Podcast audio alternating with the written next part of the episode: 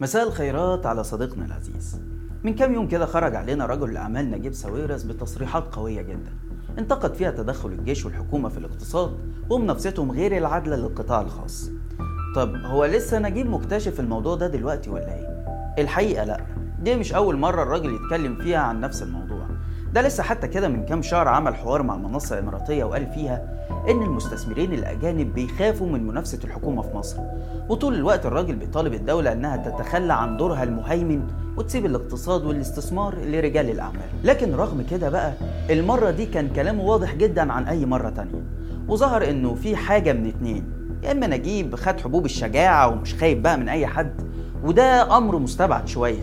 لأن زي ما هنحكي الراجل عارف كويس قوي الخطوط الحمراء وشاطر كمان في اللعب مع الدولة في المساحة اللي هي بتسمح بيها. السيناريو التاني إن نجيب عايز حاجة معينة وفي حد في جهة ما موقفها له. فيقوم يطلع بالتصريح ده عشان يشد الأنظار ليه ويجي مسؤول أكبر يمشي له مصلحته عشان نخلص من كلامه اللي بيملى مواقع الأخبار الأجنبية. باعتبار ساويرس اسم كبير في عالم ال business مش بس جوه مصر ده كمان براها نجيب كمان بيطالب الدولة إنها تشيل إيدها من كل حاجة في البلد وتسيب السوق يشتغل بمبدأ العرض والطلب. وده ظهر كمان في خناقته مع هاني شاكر مثلا حوالين أغاني المهرجانات. ولازم ننوه هنا يا جماعة إننا مش بنأيد ولا بنعارض. إحنا بس بنحاول نفهم فكرة ساويرس مقابل فكرة السيسي عن الدور اللي المفروض الدولة تلعبه. وده موضوع حلقتنا النهارده. أنا عبد الرحمن عمر وده برنامج الحكاية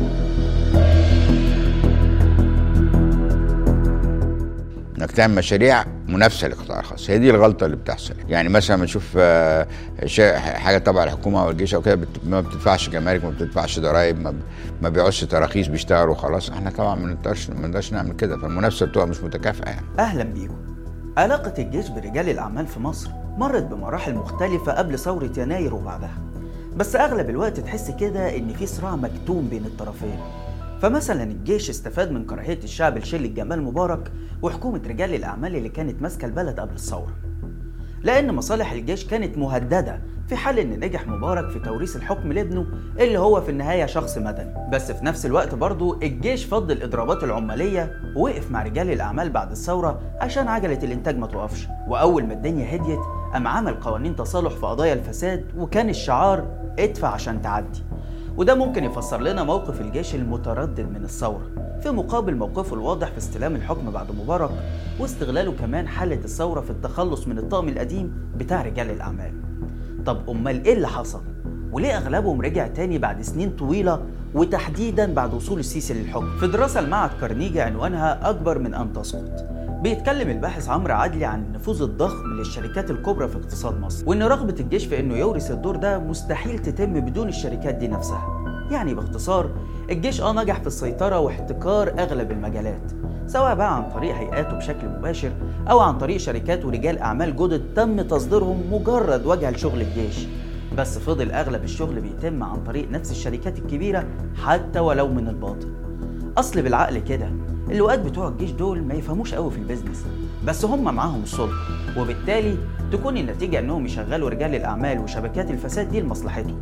منها سبوبة وفي نفس الوقت هم شايفين إن مفيش حد غيرهم ينفع يكون ليه سلطة مطلقة.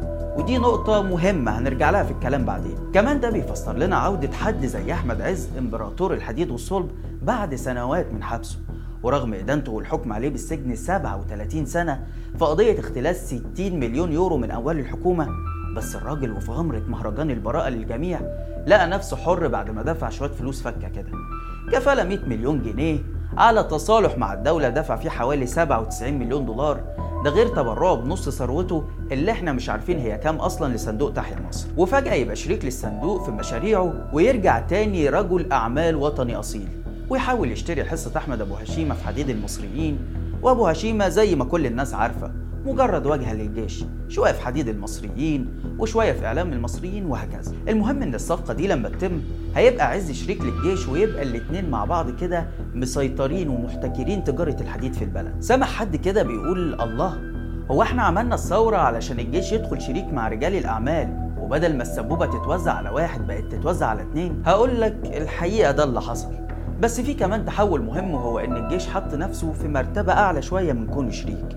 وحرم رجال الأعمال دول من الامتيازات السياسية اللي خدوها في عهد مبارك.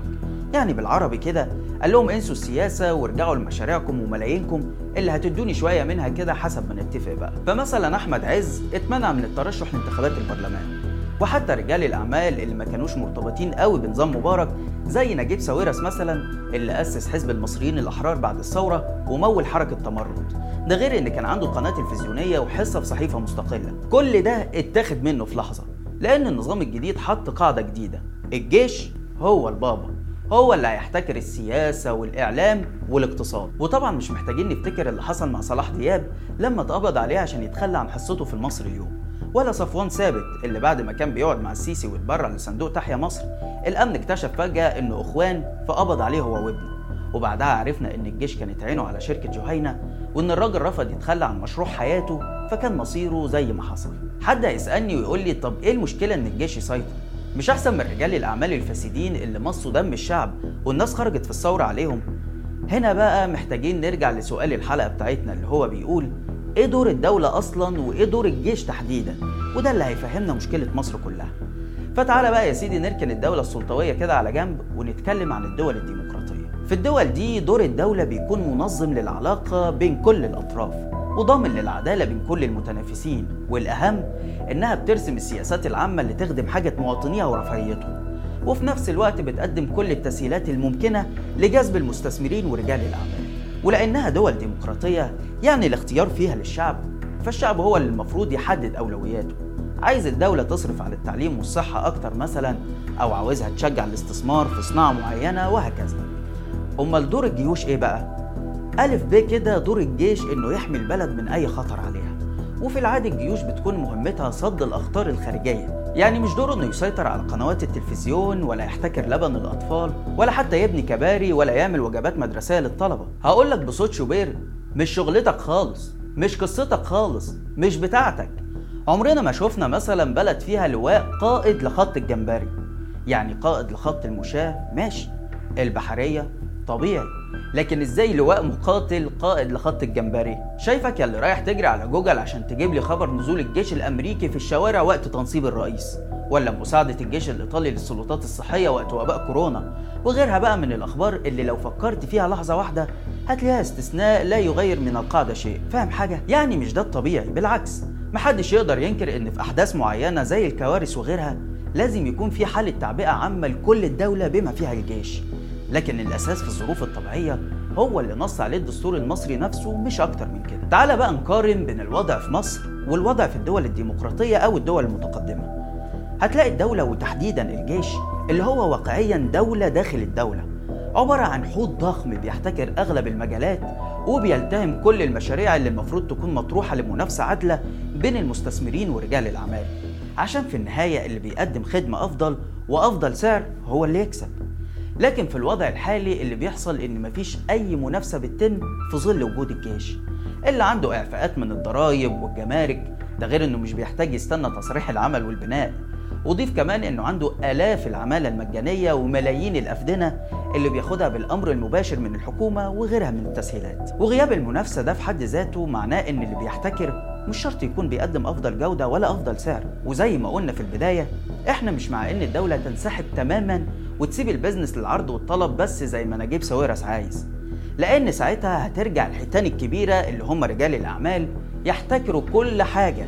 ويلعبوا بالشعب كرة شراب. وما ننساش إن ساويرس نفسه كان متهرب من الضرايب واضطر يدفع أكتر من 7 مليار جنيه عشان يسوي موقفه ويرجع مصر. إحنا بنقول إن يكون في توازن بين دور الدولة ورجال الأعمال بما يمنع سياسات زي الاحتكار وغيره.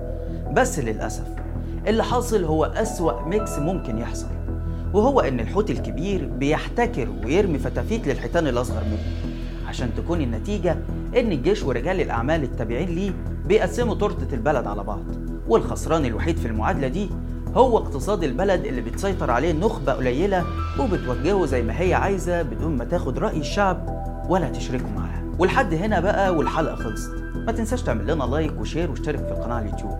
واستنانا كل يوم جمعة الساعة 9 بالليل بتوقيت القاهرة في حلقة جديدة من برنامج إيه الحكاية. سلام.